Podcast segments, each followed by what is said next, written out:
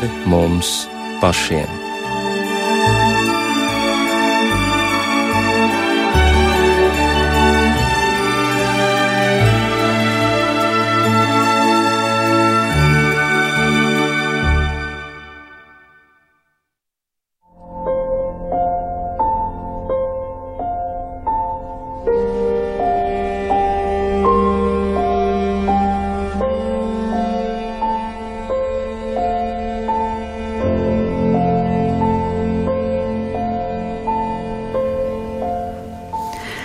Esiet sveicināti raidījumā pāri mums pašiem, lai ir slavēts Jēzus Kristus.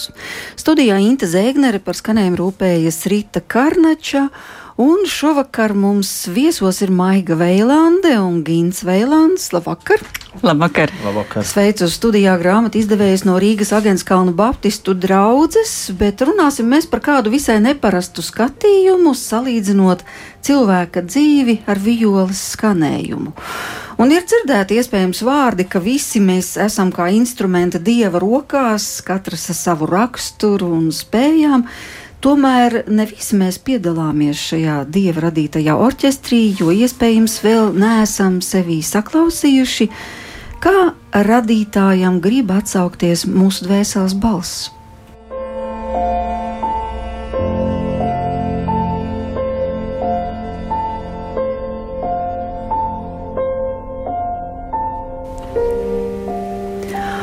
Un šeit manā priekšā ir kāda visai apjomīga un arī skaisti izdota vācu vijoļu meistara un fiziķa Martina Šlēskas grāmata ar ļoti lakonisku nosaukumu Skaņa, kurā runa ir gan par violas dvēseli un tapšanu, gan arī par cilvēka dvēseli un tās pilnveidošanos. Ļoti interesantas ir šīs paralēles. Nekad nebija iedomājusies, ka iespējams tā salīdzināt mūsu garīgo ceļu un vienkārši viena instrumenta rašanos. Bet gribu vispirms jums vaicāt, kas tad īsti ir Mārtiņš Šlēske un kas jūs iedvesmoja pievērsties šai grāmatai? Jūs, Vakar, jā. jā, jūs, jūs teiktais jau pusi pateica. Tātad Mārtiņš Šlēska ir vijoļu meistars un fiziķis.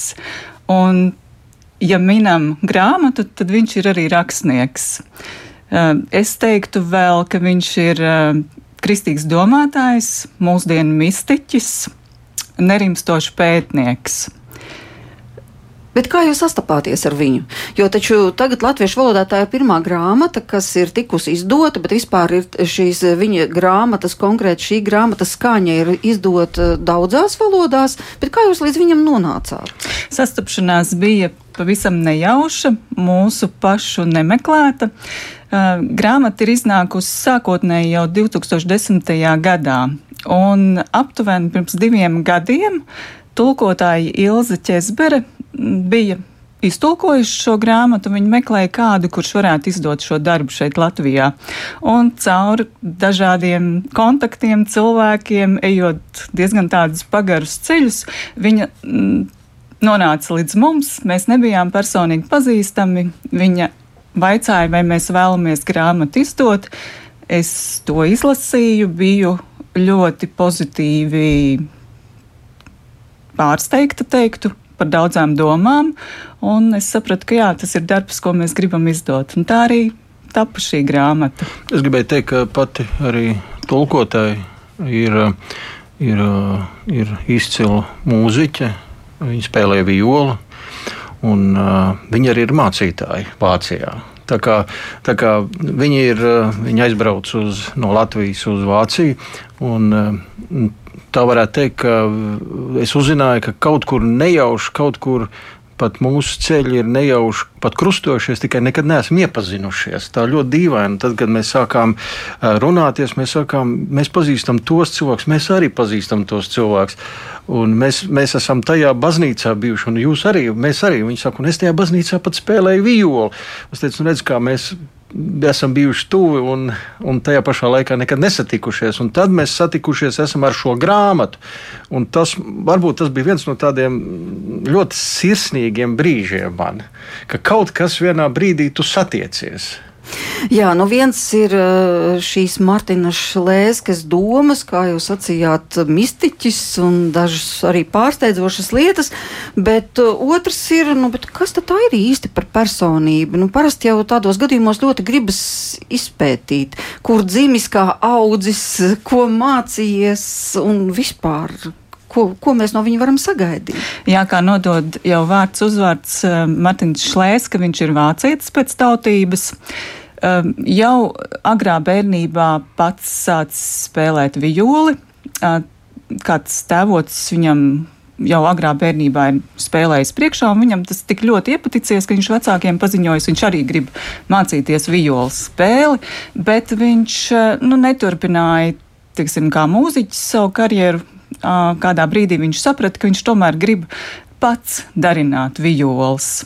Un tā viņš kļuva par vijoļu meistaru, vijoļu būvētāju. Bet līdz grāmatai viņa ceļš, es teiktu, ir mazliet garāks, bet arī ļoti loģisks, varbūt es teiktu. Viņš savā grāmatā min vairākus notikumus, ļoti spilgtus notikumus, kā viņš pats kļuva par kristieti 13 gadu vecumā.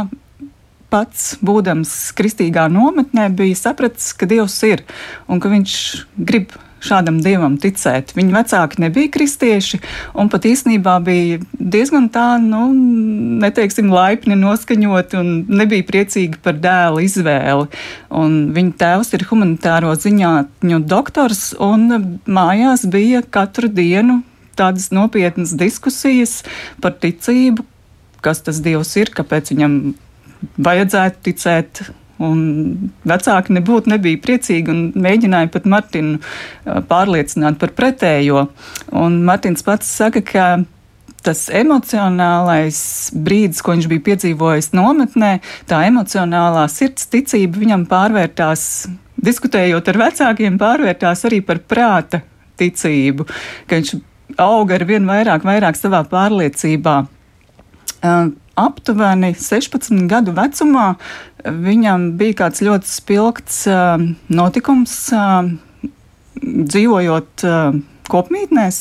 Ar draugiem viņi bija sarīkojuši tādas nelielas svinības un izcēlās ugunsgrēks Martina vainas dēļ.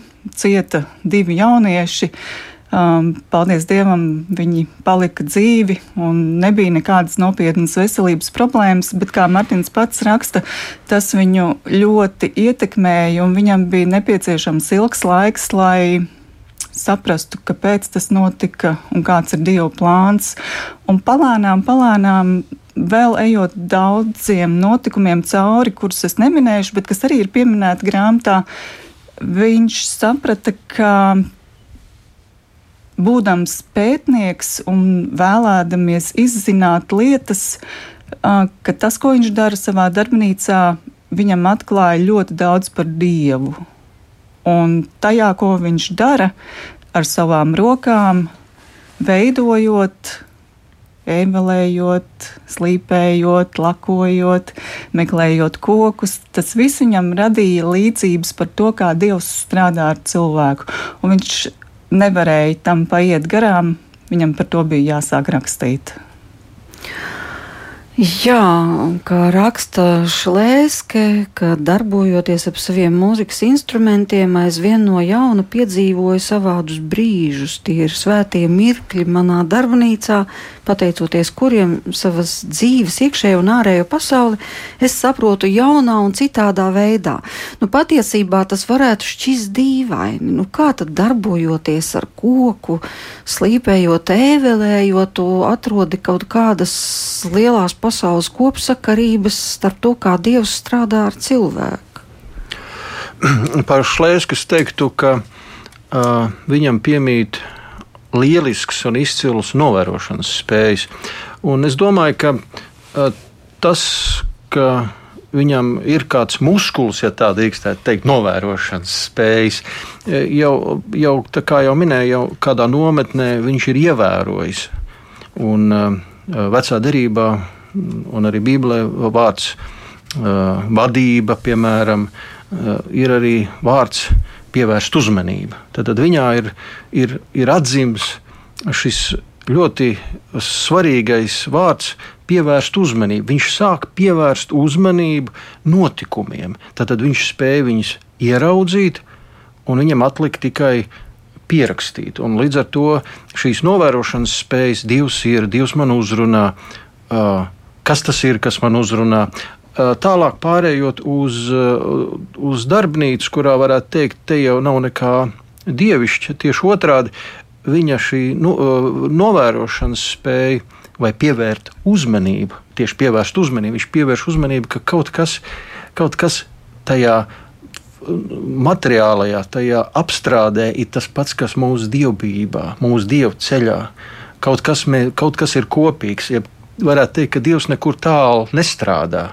Viņš strādā ar mums kopā pie vienas lietas, pat pie vienas koka gabalu, respektīvi. Jā, man ļoti pārsteidza kāds aspekts no šīs grāmatas par brīnišķīgo instrumentu tapšanu, un to zina tie meistari, kas strādā ar vioļu darināšanu. To savulaik zināja Stradivāri un Amati un Gvarneri, jo viņi arī pārbaudīja kokus, un arī viņi no kalna, vismaz cik es atceros par Stradivāri, viņi ripināja šos kokus lejā un klausījās, kā kā tie skan. Izrādās Mārtiņš Šlēske arī dara tāpat.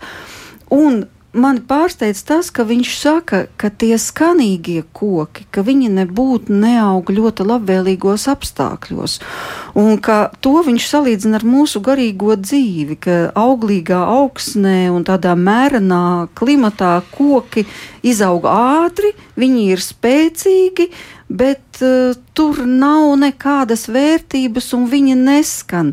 Un ka, ja garīgajā dzīvē mēs pavadām savu laiku tikai komfortā, tad mēs arī neskanam. Tas bija kaut kāds tāds pārsteigums man, daudzi, tā var salīdzināt. Jā, es, es gribētu teikt, ka daudz izcilu domātāji uh, ir novērojuši, uh, ka kristietība, tāpat arī tas, kas varbūt tā kristietība nevienmēr ir saistīts, ir radušies tieši katakombās. Tieši katakombas ir bijusi tās vietas, kur viņš saka, tā bija mana katakomba, kurā radās šī, šī izcilā doma, pētījums. Viņš gribēja teikt, ziniet, šis, šis darbs, garīgais darbs, nemaz nebija kādā, kādā, kādā ļoti sterilā vidē. Tā bija ļoti ļoti nērta, pat ļoti katakomba veidīga vieta. Un man tas ļoti palika atmiņā, ka, ka, ka Dievs tik ļoti ir neierobežots, vai pat bieži vien ļoti interesantā veidā mūsu, mūsu, mūsu ir ievedis kādā mācībā. Kādā veidā, kā, kur viņš strādā. Tā ir necila lieta, tāpat kā šlēskam uh, ar to koku. Viņš redz, ka tas koks, jo, jo smagāk tā augsne ir, jo skanīgāks viņš ir. Un, un, un tāpat tās ar cilvēku, kur ir iekšējo pārdzīvojumu devuši kādā katakombā, varētu tā teikt, viņ, viņš kļūst skanīgāks kaut kādā veidā. Jā, nu, protams, ka tā grāmatas valoda ir ļoti tēlaina. Un tur viņš par to saka, ka cilvēks šādos komfortablos apstākļos ir audzis, vai arī koks, kurš ir audzis tādā leknā zemē, bet viņš nespēja skanēt.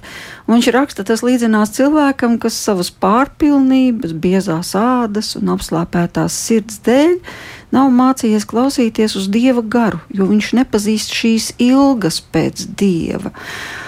Nu, tā laikam ir tā materiālā pasaule, ja tev viss ir, ko tev vēl vajag. Jā, tas ieskanās diezgan daudzās vietās grāmatā, šī pašpietiekamība.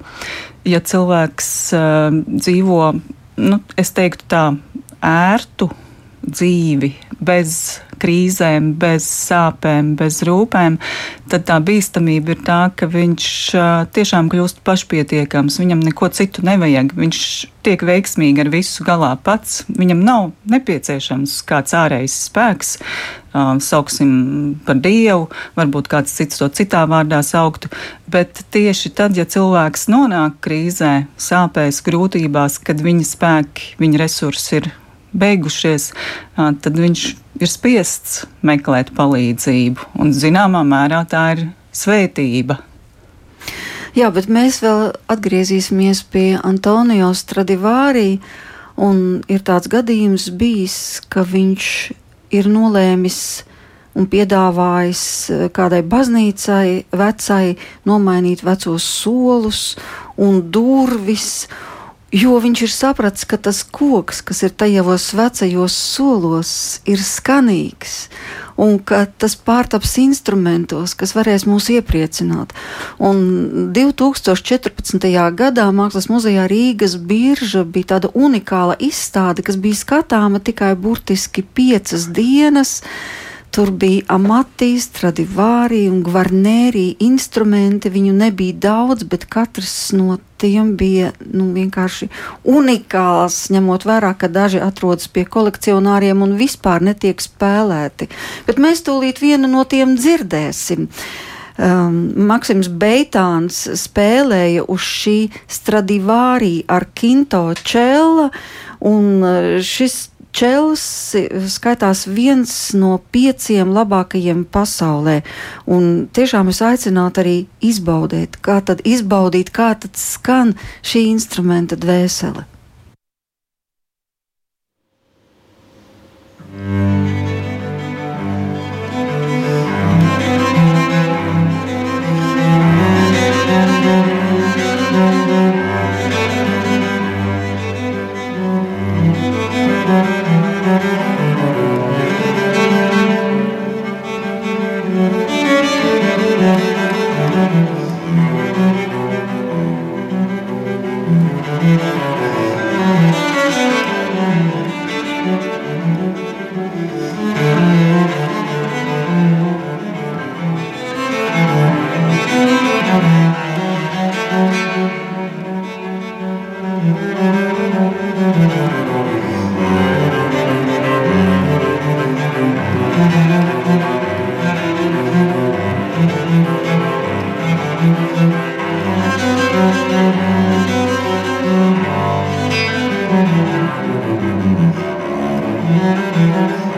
Jā,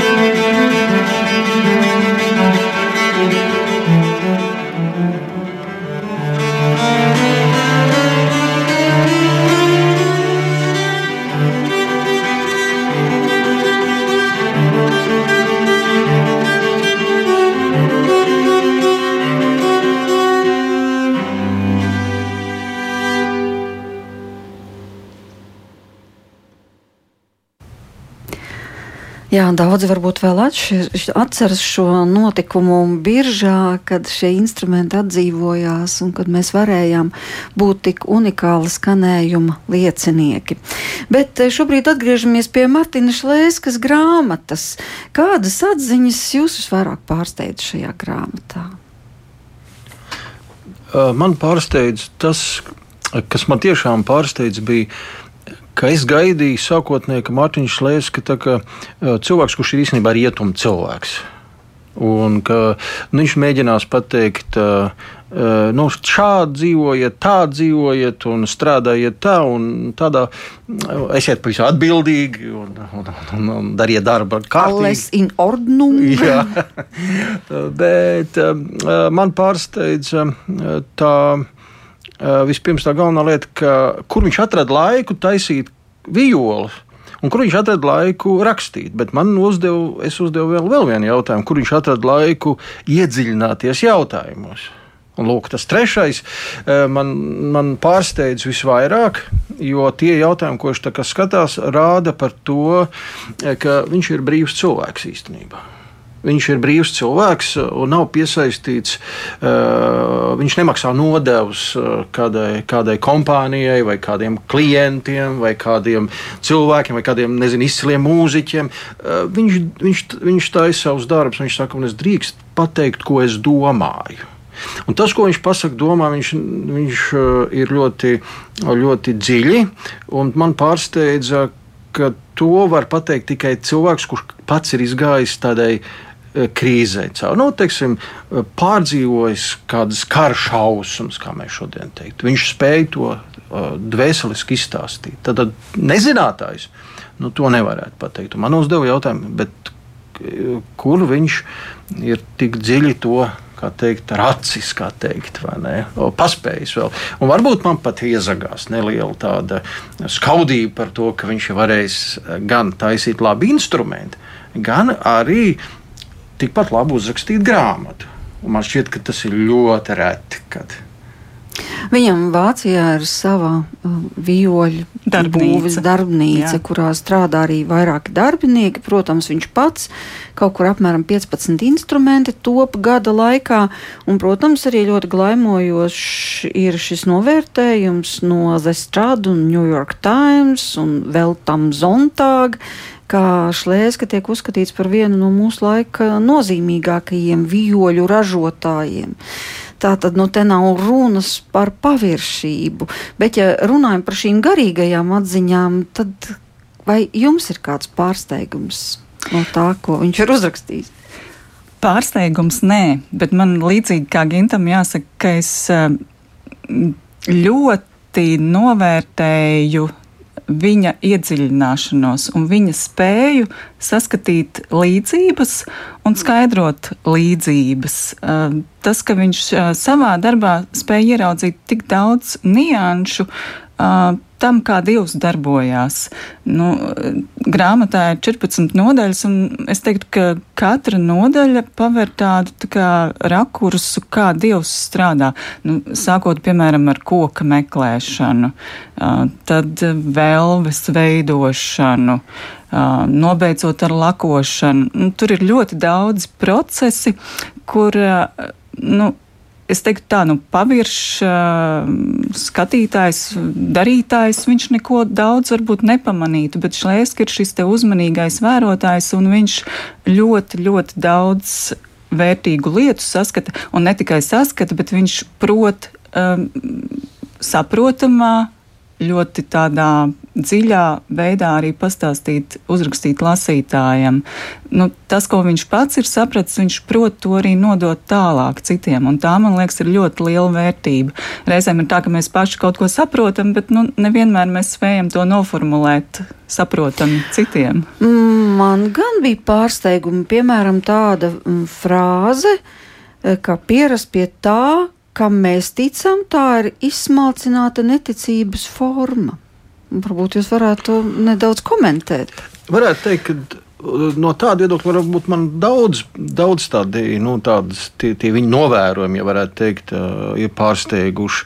Uh, viņš, viņš, es gribētu vienu soli nedaudz atpakaļ nu, teikt, ka citējot izcilo izcilo dzinieku Česlavu Milašu, eh, kuram arī tagad iznāca arī dzīs grāmata un, un Ulda Bērziņa arī unikālais tulkojums. Eh, Česlavs Milošs eh, ļoti skaidri teica, ka 20. gadsimts ir bijis sintētisks gadsimts. Uh, sintētiski bija sintētisks benzīns, sintētisks kaučuks, kā viņš raksta. Tad, tad tieši Šlēske ir ļoti dzīvi sapratis, ka instruments nav sintētisks. Viņš nevar, viņam ir kaut kas dvēselisks. Un uh, ticība nevar būt sintētiska. Un mēs varbūt tās paši arī šeit, Rīgā, ar Maigu strādājot, secinājām arī mūsu ticības dzīvē, ka ticība ir nu, visbriesmīgākais ir sintētiskā ticība. Bet kas ir sintētiskā ticība? Tas būtu šī burtiskā kalpība, kāda, kāda, kāda bezdvēseliska formu atkārtošana, kāda kopēšana, um, kāda palaišana tirgu, jeb, jeb, jeb, vai vienkārši mēs teiktu, tā būtu tāda diomānīšana ar, kādām, ar, ar kādiem solījumiem, ar kādu ar kādu procesu, kā mēs to teikt, ar kādiem, ar, ar, ar kādu procesiju savā dzīvē, kas teikt, ne Dievs, es izpildīšu priekš tevīm kādu, kādu dievkalpojumu formu, un tev tas patiks. Vai, piemēram, ko arī vēlāk Šlēskis saka, kaut arī par to pašu svēto garu, ka mēs nevaram svēto garu kaut kādā veidā nopelnīt. Tad es gribētu teikt, ka šī nopelnīšana būtu tāda nu, sintētiska pieeja kādā veidā es varētu tagad uh, no, uh, uh, nopirkt Dievu. Bet pa, pakavēsimies Jā. pie, pie šīs lietas. Tātad tomēr mēs esam aicināti katru svētdienu iet uz baznīcu. Nu, tātad, ja mēs katru svētdienu ejam uz baznīcu, tā ir zināma rutīna, bet vai tas nozīmētu, ka mūsu ticība jau ir palikusi kaut kāda tāda kantaina, nedzīva un neauglīga? Nē, mēs vienkārši uzticīgi turpinām iet katru svētdienu tur, kur esam paraduši kopš bērnības. Un, un tā mēs turpinām to ceļu. Tur ir bīstamība, kā tas taču, manuprāt, pat ir labi. Protams, ka tas ir labi, jo es domāju, lai koks izaugtu, viņam ir vajadzīgs ūdens, augsne, un tāpat arī mums, lai mēs augtu savā ticībā, mums ir vajadzīga kopiena, mums ir vajadzīgi citi cilvēki, mums ir vajadzīgi domu biedri, atbalsta biedri. Ne, ne jau vienmēr mēs būsim spēcīgi, ne jau vienmēr mēs būsim ticības pilni. Um, Un tieši tāpēc mums arī ir jābūt šajā kopienā, sadraudzībā, uh, lai mēs augtu. Bet no vienas mēs... puses to varētu uzskatīt par rutīnu. Nu, vienkārši pieredums, es eju, es eju tāpēc, ka, nu, lai Dievs nedusmotos, es eju. Nu, nu, jā, un es eju, nu, un ko, bet arī tā ir piespiešanās varbūt. Un tagad pastāstiet man šīs atšķirības divas. Es varu iet tāpēc, ka man ļoti slāpst, un es nevaru neiet. Es vienkārši nespēju iedomāties, ka nu, man pietrūktu, kā es izdzīvotu to nākošo nedēļu. Vai arī vienkārši es eju, tāpēc, ka man ir jāiet. Un Vai tas ir nu jā, šo starpību? Es domāju, ka mēs visi cīnāmies. Mēs visi cīnāmies, un jāsaka, ļoti godīgi. Un es varētu tādu nelielu, nelielu līdzību teikt, ka tad, kad Dievs mūs katrs augs mūžībā un varbūt mēs tur nebūsim daudz gudrāk kā šeit uz zemes. Pieņemsim, jau mums arī tur būs jāmācās. Es tikai to kā domu pasaku. Tad eh, tā atšķirība starp šeit uz zemes un debesīm mācīšanas procesā būs tas, ka mēs, eh, mēs būsim, mūsu, mūsu vidū vairs nebūs bailes vai terors. Šeit mēs, šeit mēs esam tādā nelielā terorā, vienmēr, vienmēr nelielā tādā uh, zināmā baiļu stāvoklī. Mēs vienmēr esam ar kaut kādām šaubām vīti, un tādēļ, kā jūs zīmīgi pateicāt, tikko bailēm no dieva, piemēram, rutīna, kas veidojās tādēļ, ka tā būtu drošāk. Debesīs mums vairs šī rutīna vairs nav, un um, nav šīs bailes arī. Šeit mēs cīnāmies, un uh, man šķiet, ka viens no svarīgākajiem uzdevumiem ir tā, ir tā ka uh, mēs atjaunojamies. Un, uh, uh, šeit es gribētu uh, citēt kādu izcilu mācītāju, kurš teica tādu lietu, kas man pats pašam bija ļoti izbrīnīts. Viņš saka, svētumam arī ir krīze. Svētumam ir krīze. Tā, Pasaulē? Nē, nē, katram? nē, katram. katram. Un es domāju, kā, kā svētumam vispār var būt krīze un, un kur vispār svētums un krīze iet kopā. Bet viņš saka, jā, ka tad, kad mēs nojam kādu ceļu gabalu, tad uh, svētums mūsu dzīvē izaicina no jauna paskatīties uz lietām un secināt, vai, vai, vai tie ir rādītāji, vai uzstādījumi, vai, vai kaut kādas lietas, un mēs piedzīvojam zinām krīzi.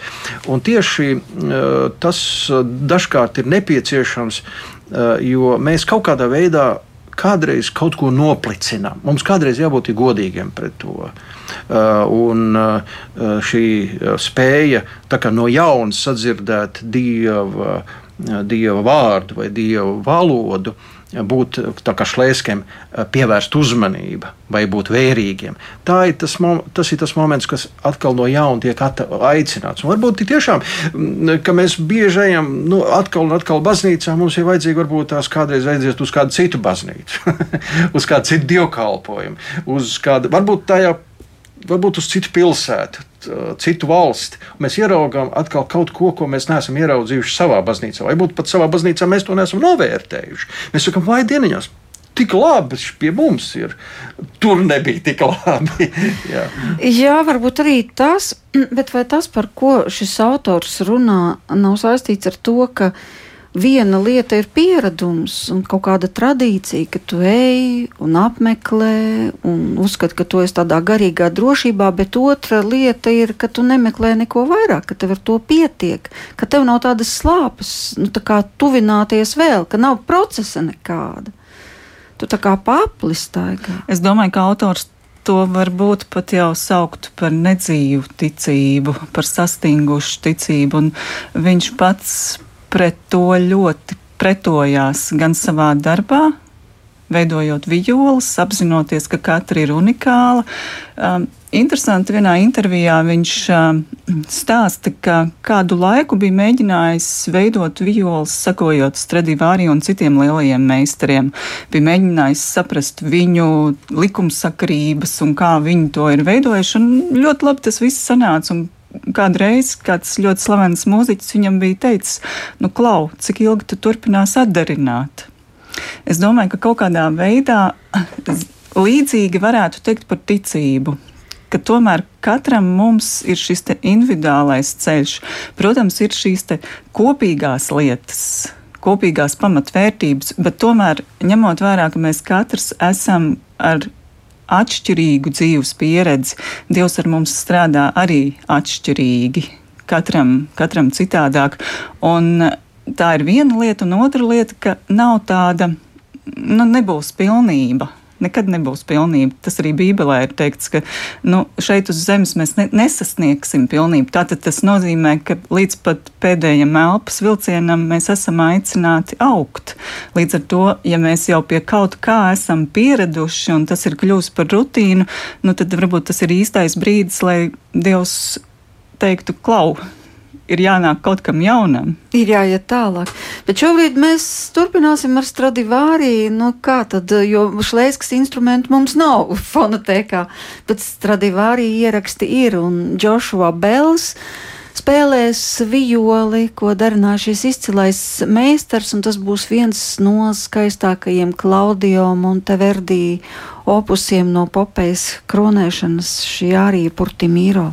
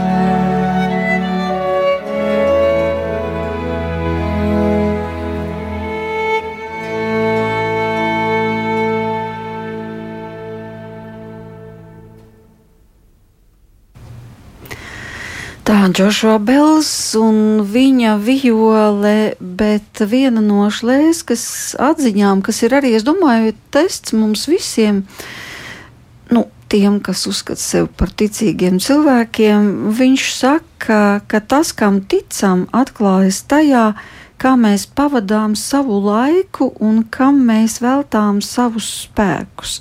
Tas man arī tā likās ļoti zīmīgi. Viņš saka, parādi man, ko tu dari, un tad es pateikšu, kam tu tici. Un šeit laikam runa ir par to, kādu laiku es ierādu Dievam savā dzīvē. Vai tas ir, kad man nāk miegs un es spēju tikai pateikt āmen un Es domāju, viss, vai arī. Jā, es, es domāju, ka Dievs ir ļoti pacietīgs un žēlsirdīgs. Un mums katram būs brīži, kad uh, mūsu darba apliecinās, ka mēs jā, mēs ticam Dievam, mums ir šī dzīvā ticība, bet uh, būs brīži, kad uh, kaut kas mūs būs izsitis no sliedēm, mēs būsim pakrituši, un mēs nebūtu neizskatīsies, ka mēs esam tādi īpaši ticīgi vai īpaši dedzīgi, bet interesanti. Kas man likās interesanti grāmatā, šur un tur pavīdēja doma, ka nevajag nobīties un nevajag novērtēt par zemu šos krīžu mirkļus, šos te uh, šķietami šaubu pilnos mirkļus. Viņš pieprasa, saka, māsas šaubas, labrīt!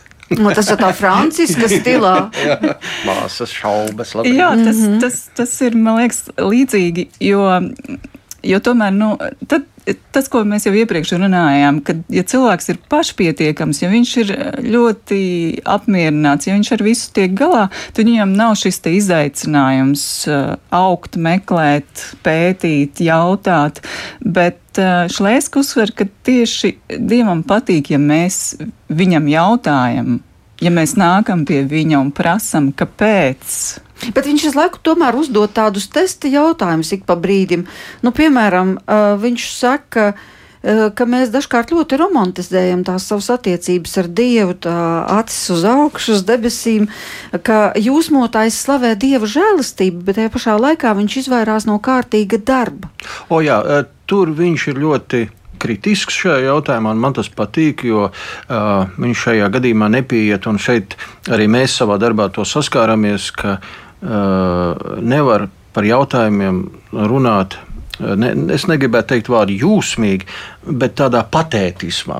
Un tas patētisma rēks, ja tā drīkst teikt, mūsu darbā, un arī, domāju, daudzu šlēsku darbā un citu darbos, viņš min, ka cilvēkam jābūt savā darbā ir strukturizētam.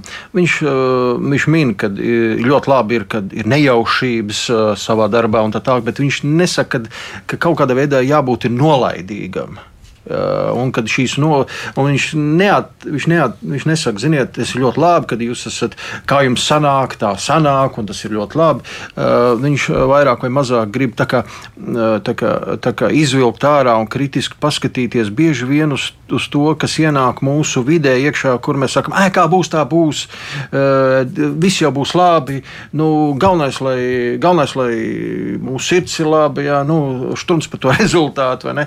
Viņš ļoti labi saprotu, ka viņš nevar tā teikt, nu, ziniet, mīļie, mīļie spēlētāji, nu, kā bija, tā bija, vai ne? vai ne, spēlējiet, kā, kā ir, vai ne? Jā, dārgie violnieki, jā, jā. kā sanāca, tā sanāca. Jā, jā toties es ar labu sirdi to taisīju, jā. Tā, tā. Tādā veidā viņš to domā. Jā, bet jūs jau minējāt par šīm krīzēm, un respektīvi viens, ka viņš salīdzināja ar to koku, cik svarīgi ir kokam norūdīties, lai viņš skanētu, un arī, ka e, tādējādi Dievs noroda arī cilvēku, un ka tas būtu cik ļoti banāli, ja Dievs sacītu cilvēkam, kāds tu esi, tāds arī paliec. Tas nozīmē, ka ir totāla stagnācija. Bet tur šajā grāmatā bija vēl kāda tāda pārsteidzoša vieta tieši par to, ko Gins tikko sāka uh, runāt, ka pastāv tādas triumfālas ticības meli, kas grib iestāstīt, ka nu, Nu, Priekš kā mums mācīties?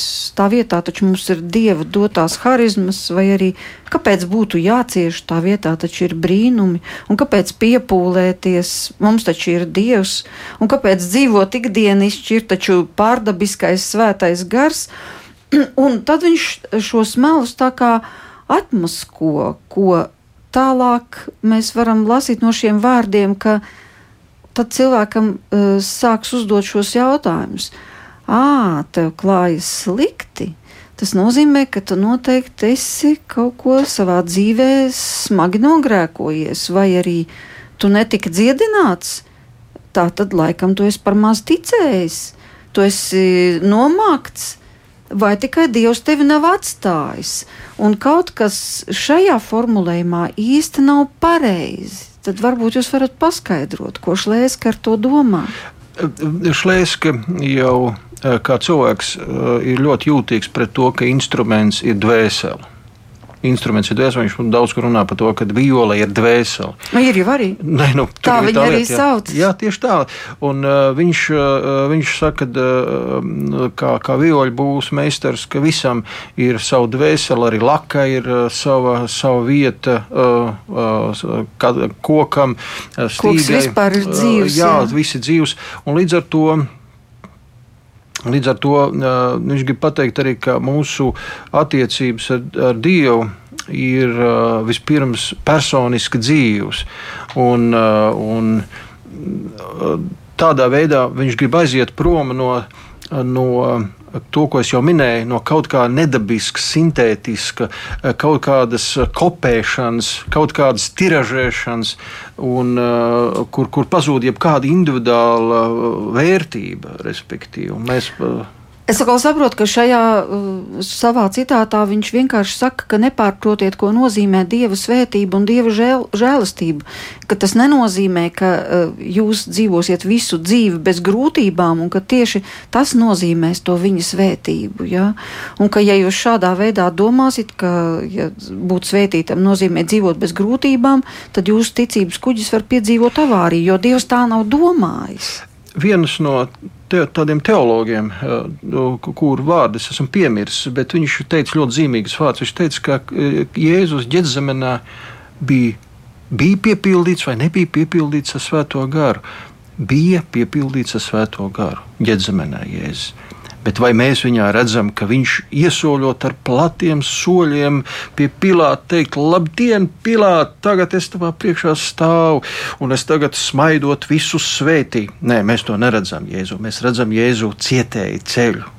Ka Viņš ir, nu, viņš, ir, viņš ir baiļu pilns arī. Viņš ir tāds, kurš iet šo ceļu, kuram beigās vajag palīdzēt. Un tāpēc bieži vien ir jāuzmanās no šī patētisma, no šī pompozās skaidrošanas par ticību.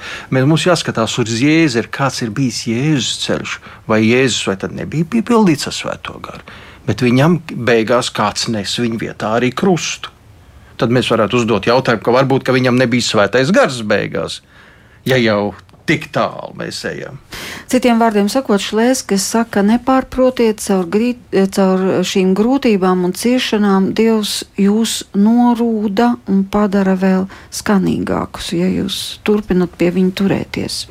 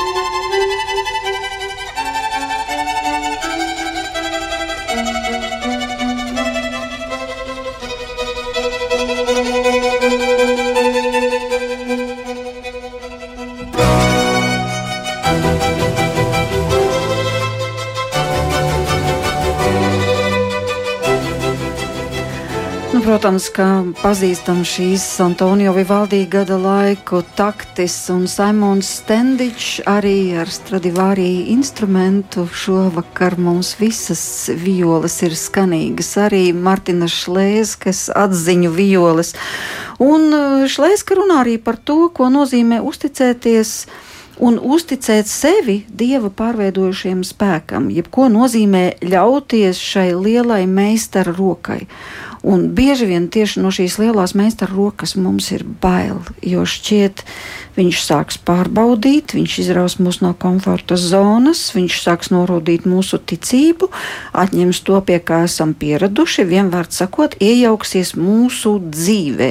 Jo neskapēc savu dzīvi mēs uzskatām par savu īpašumu, kaut gan no mums jau pat nākošā diena nav atkarīga tā pa īstam. Un tomēr pastāv šīs bailes ļauties lielā meistara rokai. Viena lieta, ko noteikti es gribētu pieminēt arī šajā raidījumā, tas ir ļoti svarīgs jautājums. To uh, izcilu, izcilu vīri ir teikuši, ka mēs nekad nevarēsim pateikt to, kur sākās mūsu atbildība un kur sākās dieva atbildība. Un viņi, viņi teica ļoti ģeniāls vārds. Viņi teica, tas ir viens vislielākais dieva noslēpums ko nevar atbildēt cilvēks, kur sākās mūsu atbildība un kur sākās dieva atbildība. Un tāpēc mēs laikam esam šausmīgi pārbijušies. Kur ir dieva atbildība un kur ir mūsu atbildība? Nu, mūsu atbildība ir spēt pateikt to jā, bet, ziniet, tas tāds jā, ļoti bīstams. Nu, Dievmāte pateica šo jā, Marija pateica šo jā, jā pateica. un mēs zinām, kas notika pēc tam. Visa viņas dzīve mainījās. Jā, nu, bet... Dievs ir uzticams, mēs pateiksim jā, un viņš sāks veidot no mums instrumentu. Bet tieši pasakot šo jā, jau arī radās skaista skaņa. Un tas ir līdzīgi kā mūziķis un vijoli tur ir savstarpēja uzticēšanās. Lai, lai gan mums varbūt liktos, ka viena lieta ir nedzīva un otra ir dzīva, bet tas tā nav. Vijola arī ir dzīva savā skanējumā, un tur radās šī saspēle, saskaņa. Un tikai kopā viņi abi veido šo burvīgo lielisko skaņu. Un līdzīgi arī mēs varētu teikt, es un cilvēks. Uzticoties, radās šī skaņa, kurai ir jābūt kuru Dievs vēlās radīt. Un es domāju, ka um, mēs. Šlēska vienā vietā raksta, ka mēs drīkstam apgrūtināt Dievu ar uzticēšanos, ka mm, tas ir risks varbūt pat Dievam, ka mēs kādā brīdī pasakām, Dievs, es tev pilnībā uzticos, jo tad tā ir Dieva atbildība nākt, mainīt, darīt mūs skanošus. Un tas vairs nav tikai no mums. Tā, tas nav mūsu darbs, tā, tas nav mūsu uzdevums. Un, uh, es domāju, ka tas ir, ir labi paturēt prātā, ka Dievs ir skaņas veidotājs, un es pasakot savu jā, ne ar ko neriskēju. Jā, un Šlēska šeit turpina, ka šajā procesā mums būtu jāzina, ka tad mūsos ir nomirs ne jau radošais un labais, bet gan e, nenobriedušais un haotiskais, cietsirdība, bezcerība, nerimtība, nemieris un galu galā bezdievība. Tieši tā šis instruments lēnām, lēnām iegūst to skaņu, kādā Dievs grib mūs sadzirdēt. Jā, brīnišķīgas paralēles šajā grāmatā, bet par to, ka jūs ar tām padalījāties, es šobrīd saku paldies. Uh, Gintam un Maigai Veilandei no Āgenskalna Baptistu draudzes grāmatu izdevējiem. Un, uh, jā, lasīsim, smelties ir ļoti daudz ko šajā grāmatā. Kopā ar jums šovakar bija Inta Zēgnere, par skanējumu rūpējās Rīta Karma, Karnača, un arī pašā noslēgumā, protams, mēs nevarējām iztikt vēl bez viena instrumenta, ko šoreiz spēlēja Arvi Telefsens.